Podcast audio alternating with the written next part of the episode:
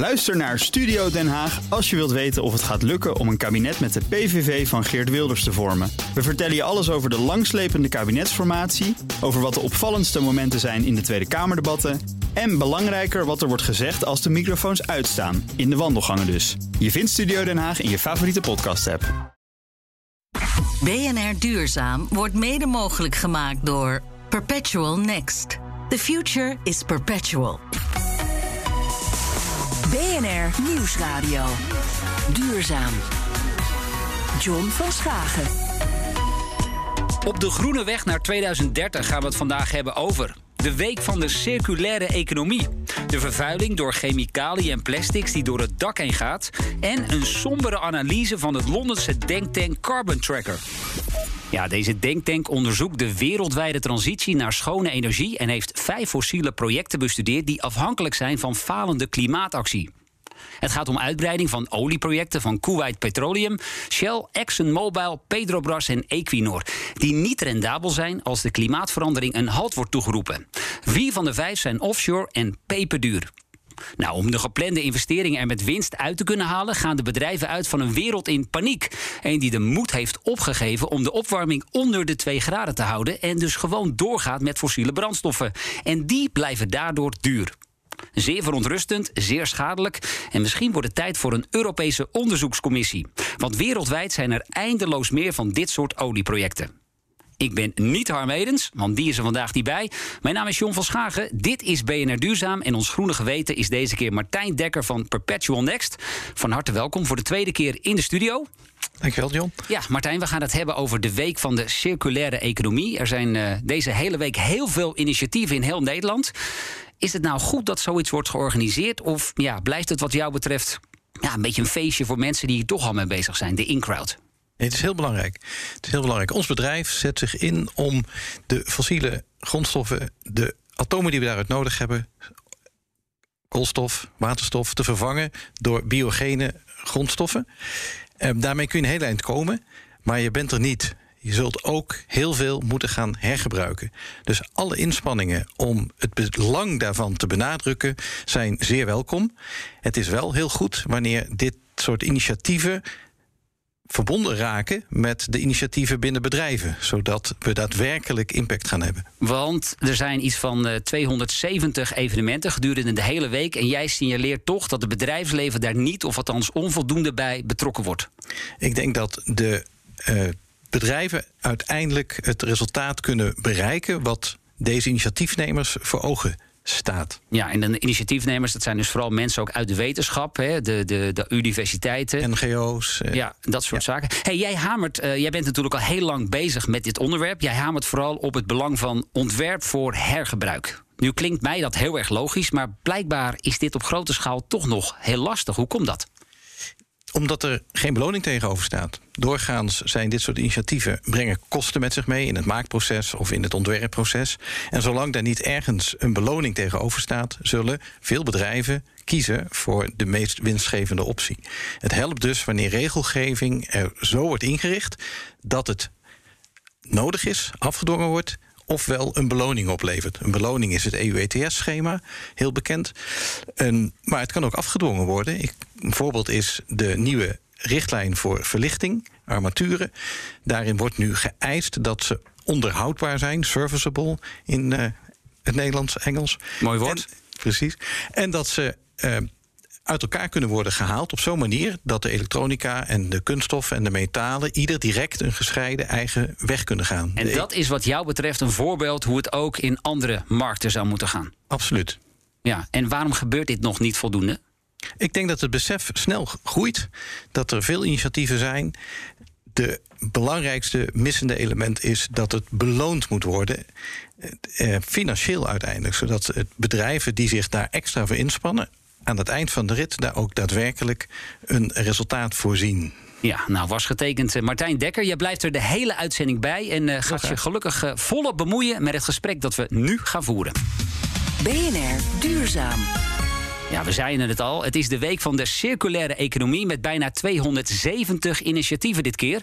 En wij zaten te denken, hoe zit het eigenlijk met de inzet en het hergebruik van chemicaliën in Nederland?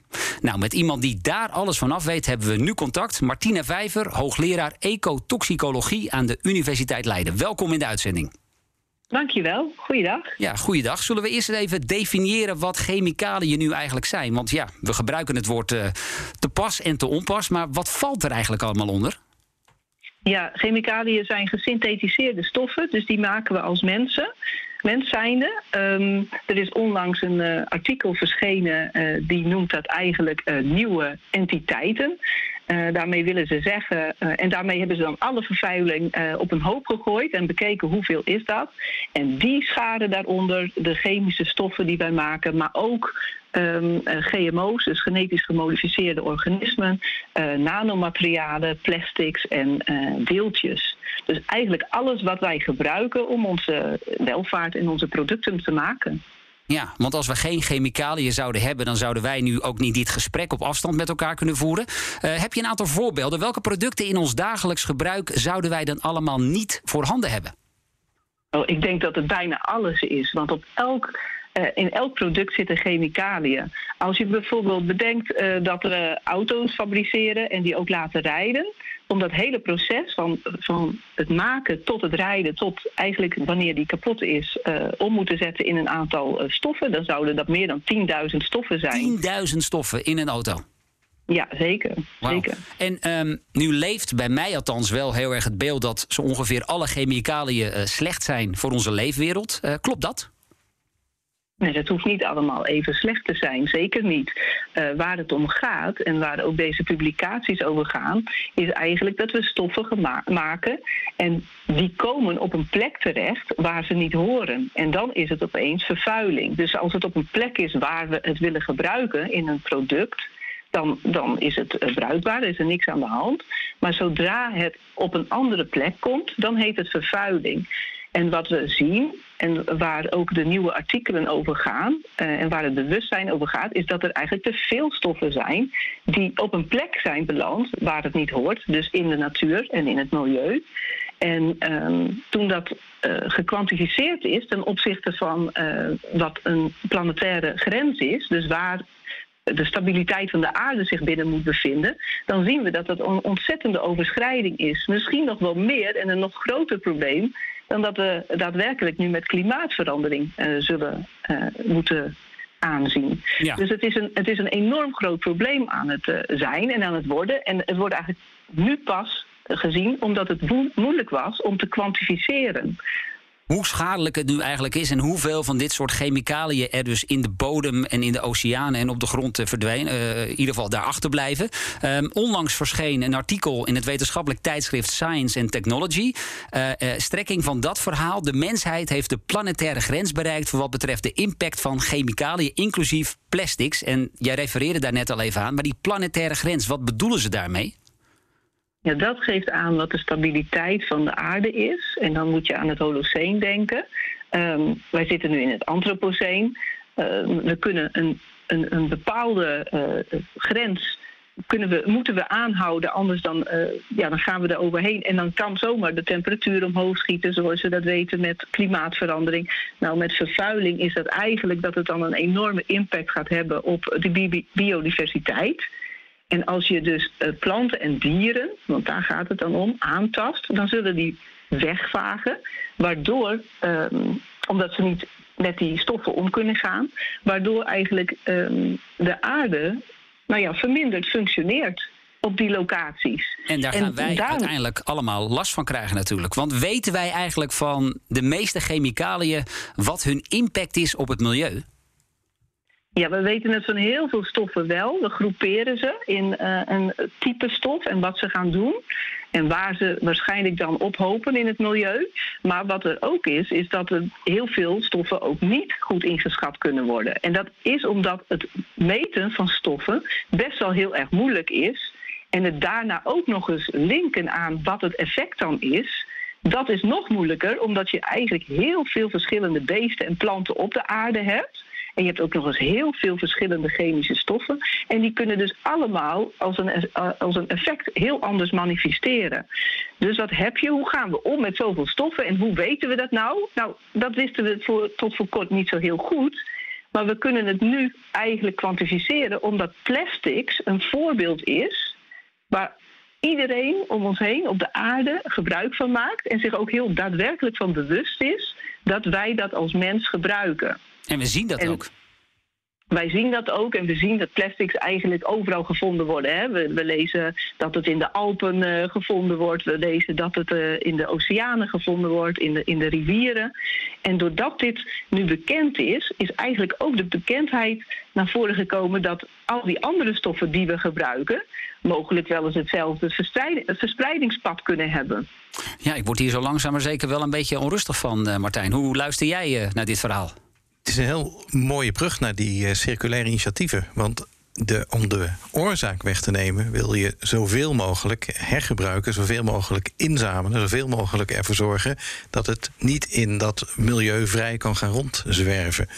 Dus ik zie daar een hele duidelijke parallel om de uh, oorzaak weg te halen. Ja, dan moeten dus meer initiatieven komen. Maar uh, ja, mijn vraag aan mevrouw de wetenschapper is: weten we eigenlijk nu wat er met die chemicaliën die de natuur uh, inkomen, die de natuur ook niet afbreekt, weten we eigenlijk hoe schadelijk die zijn, wat daar uiteindelijk mee gebeurt?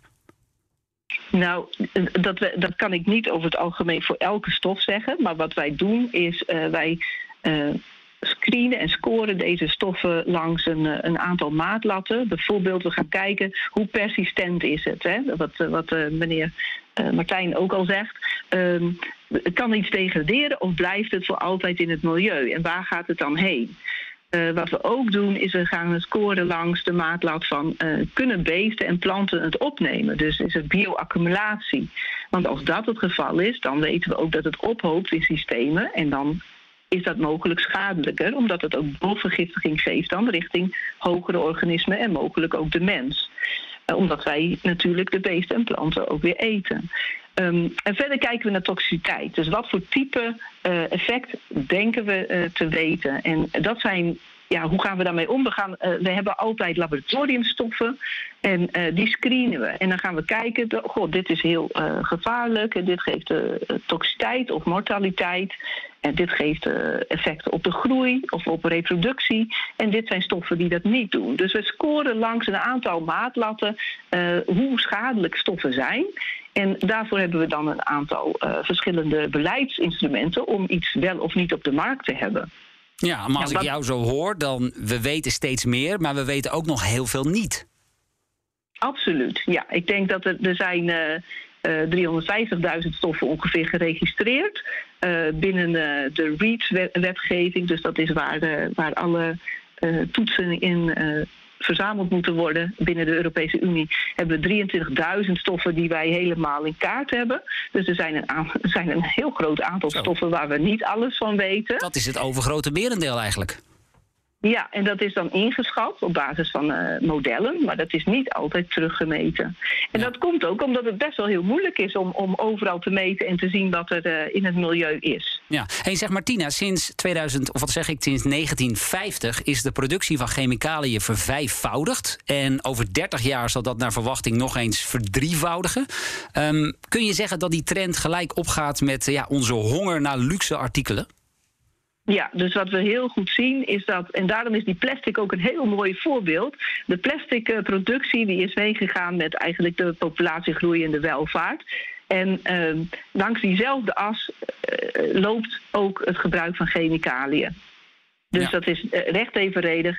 En momenteel hebben we natuurlijk ook nog de nanotechnologie die uh, ja, behoorlijk uh, een, een, vaart heeft.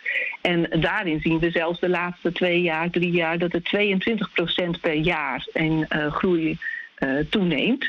Dus dat is, dat is exponentieel als je ja. dat uh, over de laatste jaren doet. Maar wat betekent het dan concreet voor het milieu als we op de huidige manier doorgaan met chemicaliën produceren? Welke impact heeft dat op onze planeet?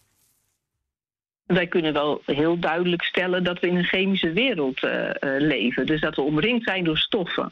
Ik denk wel dat het bewustzijn van mensen hier ook wat groter op wordt. En vandaar ook dat je de, de Green Deal, waar Frans Timmermans uh, zo hard aan trekt, samen met de EU, um, die, die krijgt steeds meer ruimte.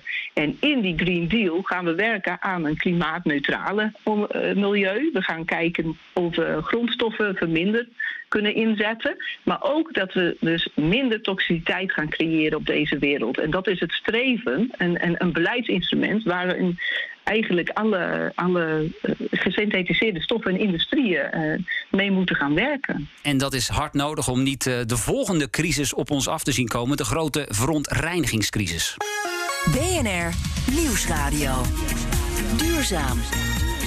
John van Schagen. Ja, wij mensen produceren dus steeds meer chemicaliën. En dat is zorgelijk, want ze bedreigen de natuur die we nodig hebben om te kunnen leven. Ik praat verder met Martina Vijver van de Universiteit Leiden. En zij weet alles over die chemicaliën. Ons groene geweten heet Martijn Dekker van Perpetual Next. Uh, ja, ik zei het net al even, Martijn. Ik word er zelf niet al te vrolijk van. Um, het is ook een heel moeilijk probleem om aan te pakken, omdat chemicaliën in zo ongelooflijk veel producten zit. Dat klopt. Chemicalië is een heel breed begrip. Je kunt zeggen dat kunstmest ook een, eh, een chemicalië is. Een, een door ons gemaakte stof. En die is weer heel essentieel voor, ja, spreekt voor zich, om alle monden in deze wereld te voeden. Zonder kunstmest zouden wij niet in staat zijn zoveel mensen van voedsel te voorzien. Kunstmest is een van de stoffen die de komende, pak een beet, 20, 30 jaar onder grote druk komt te staan. De productie daarvan is op dit moment nog volledig fossiel. Zal over moeten naar niet-fossiele eh, productie. En onze inschatting is dat dat de eerste en niet alleen onze, maar ook die van de Verenigde Naties, in hun ranking van stoffen die gebruikt gaan worden, eh, waar waterstof gebruikt gaat worden, groene waterstof, om specifiek te zijn. Kunstmest zal een van de eerste sectoren zijn die gaat vergroenen, naar groene waterstof gaat, zodat we al die monden kunnen blijven voeden. Ja, en dat is hard nodig. Uh, tegelijkertijd, Martina, uh, dit is een concreet voorbeeld. Kunnen we ook een beetje spreken van een soort onzichtbare crisis? Nou, ik, ik, denk niet eens dat die meer onzichtbaar is. Hè? Want we weten dat we chemisch gezien, als we terugmeten in ieder, ieder, iedere bodem en water, dan kunnen wij zien dat er te veel is op het moment. En we zien ook dat de biodiversiteit, wat het, het netto effect is, uh, ontzettend aan het, uh, afnemen is en uh, onder stress uh, staat. Dus ik denk niet dat eens dat het een, een onzichtbare crisis is. Nou, voor het, het grote publiek wij... dan misschien een beetje. Ja, ik denk dat het heel moeilijk is om uh, je voor te stellen dat wij omringd zijn met uh, stoffen. En, uh, en dat misschien, ja, de plastic is het enige waarvan we zeker weten, ja, dit gebruik ik en het ligt er overal en, en we vinden het overal. En het, uh, het blijft heel lang in het milieu, ook al is het uh, uh, biologisch afbreekbaar. Dan nog blijft het jaren in het milieu en vinden we het toch nog op allerlei plekken terug. En zeker omdat het verweert en steeds in kleinere deeltjes komt, pikken we het gewoon niet altijd op met om ons heen kijken. Hè. We zien alleen de grote fragmenten, maar eigenlijk zijn die misschien nog wel het makkelijkst om op te ruimen. En zijn het juist de kleine fragmenten die blijven liggen en, en meer schade geven, omdat die wel opgenomen worden door, organismen of door, door beesten en, en, en aan de planten blijven plakken. En uh, zo de voedselketens weer inkomen. Dus ik denk, ja, het, het, het was voor ons niet uh, onzichtbaar, maar het is voor het grote publiek nu zeker zichtbaar geworden. Dat geloof ik direct. Ja, ja dat is een heel mooi voorbeeld. Eh, we hebben nu die, dat statiegeld op de plastic flesjes. En ik las ergens dat in een jaar tijd de zwerfafval met 70% is afgenomen, waar het plastic flesjes betreft. Statiegeld op chemicaliën. Zou het kunnen, denk je? Nou, in ieder geval op zo'n manier dat eindgebruikers een stimulans krijgen om te hergebruiken. Ja, want uh, Martina, wij willen die kringlopen natuurlijk zoveel mogelijk sluiten. En, en, in hoeverre worden gebruikte chemicaliën nu al, nu al hergebruikt? Of blijkt dat technisch gewoon ja, nog best heel lastig? Ja, ik denk dat dat een heel mooi punt is wat je aanraakt. Want um, eigenlijk kun je pas dingen gaan hergebruiken als je het ontwerp al zo hebt ingericht dat dat ook gemaakt is om te worden uh, recycled. Want, want als je daar niet in het beginstadium al over nadenkt, dan wordt aan de, terwijl de keten al loopt, wordt de hergebruik veel, veel moeilijker. En dan wordt het ook heel vaak een, een downcycling. Hè? Dat het niet, niet dezelfde um, hoogwaardigheid krijgt als je het iets eruit haalt. En dan weet ik dat de, meneer Martijn die heeft nou juist een manier om wel een gevarieerde afvalstroom om te zetten naar een homogeen product, zodat de industrie het weer kan hergebruiken. Maar er zijn een hele hoop materialen die je niet zomaar her kunt gebruiken, omdat er gewoon simpelweg niet loont om het eruit te halen. Dus mijn pleidooi is eigenlijk om het al vanaf de ontwerpfase mee te nemen. En dan niet alleen naar het recycle-aspect te kijken, maar ook naar het hoe veilig is het en gebruik ik inderdaad wel de meest simpele chemische verbindingen, uh, verbindingen die het minste schade kunnen uh, geven, uh, die misschien wat sneller afbreekbaar zijn. wat is de materiaalintegriteit? Dus ik stel me daar een hele hoop vragen bij voor in de beginfase van een ontwerp eigenlijk. Ja, en heb jij dan ook al een paar concrete voorbeelden van bedrijven die dit al doen? Hè? Of voorbeelden van natuurlijke alternatieven? Nou, dat is een hele moeilijke, want dat, dat, daar heb ik inderdaad over nagedacht. Ten eerste is het Safe by Design concept, want zo heet dat. Dat is eigenlijk vrij nieuw. Het ministerie is er op het moment enorm mee bezig om het te definiëren, samen met de universiteiten. Um, dan worden er ook uh, voorbeelden gevraagd. Nou weet ik dat er zijn een aantal dingen, net als uh, uh, die vervangen kunnen worden voor uh, de PFAS. Hè. Dat is dat persistente scootje waar je wel eens wat van hoort als je uh, nou, als je bijvoorbeeld in relatie tot de regenkleding of uh, uh, pannen waarin je ja, bakt en kookt. We kennen het. Nou, nou, die worden ook in de ovens gebruikt. En juist die nanocarbines die, die kunnen nu worden gebruikt als zijn de vervangers voor de PFAS in ovens. Nou, dat is één voorbeeld. Ik weet dat er een aantal um, zinkoxide, uh, siliconoxide um, nanomaterialen worden gebruikt als luchtzuiveraars in, uh, binnen het beton. Dus dan kun je ook nog effectief gevormde nitraten afvoeren. Maar dat zijn echt maar twee, drie voorbeelden Wellicht kunnen we later ook gaan nadenken over nanopesticiden. Dus, dus gewasbeschermingsmiddelen die je in een nanovorm gaat gebruiken. Um, maar eigenlijk weet ik niet zo heel veel andere voorbeelden. Nee, nee, dus daar, hebben we nog wel, uh, daar is nog wel wat werk aan de winkel. En dan lijkt het me ook nog wel een uitdaging om uiteindelijk al die stoffen te gaan verzamelen. Um, zou de politiek daar iets aan kunnen doen? Ik denk zeker dat uh, het transparant labelen van producten vanaf, waar, uh, vanaf eigenlijk de, de, de, de toevoerder van, van de grondstoffen. Dat, dat zou direct uh, ingevoerd moeten worden. En ik denk dan tot het hele product aan toe. Uh, dat ook als jij als consument in de winkel staat, dat je kunt zien wat erin zit in een product. Ik denk dat um, ja, het, zo simpel mogelijk houden, chemisch. Uh, dat dat uh, een grote incentive kan zijn om, om recycling en ook safe by design denken in te voeren. Um, ja, en van tevoren goed nadenken over de hele levenscyclus. Uh, waar je, waar je uh, effecten kunnen liggen en waar je ongewenste emissies ja. kunnen liggen. Martina Vijver, je oproep is duidelijk. Dankjewel voor dit college van de Universiteit Leiden. Ja, Martijn, wat ga jij onthouden uit dit gesprek en vanavond aan de keukentafel doorvertellen? De wereld is rond. We zijn met circulariteit begonnen. Dit gesprek, deze wisselwerking is ook rond mevrouw Vijver eindigt op het belang van ontwerp voor hergebruik. En dat is precies wat ik me ook had voorgenomen voor de sessie van vandaag, om dat te benadrukken. Hoe belangrijk het is om te ontwerpen voor hergebruik. En een oproep aan regelgevers om ervoor te zorgen dat degene die dat doet uiteindelijk ook beloond wordt. Want zonder beloning blijven we altijd maar die oude oplossingen kiezen. Het financiële incentive is dus hard nodig. Dankjewel Martijn Dekker. Dit was BNR Duurzaam uiteraard. De groene weg naar 2030. Nou, laten we die met z'n allen nemen. En een beetje doorlopen graag. De tijd van treuzelen is voorbij. BNR Duurzaam wordt mede mogelijk gemaakt door Perpetual Next. The future is perpetual. Bij BNR ben je altijd als eerste op de hoogte van het laatste nieuws. Luister dagelijks live via internet. Bas van Werven. En heel langzaam komt de zon op rond dit tijdstip. Je krijgt inzicht in de dag die komt op BNR, het Binnenhof in Nederland en de rest van de wereld. De Ochtendspits. Voor de beste start van je werkdag. Blijf scherp en mis niets.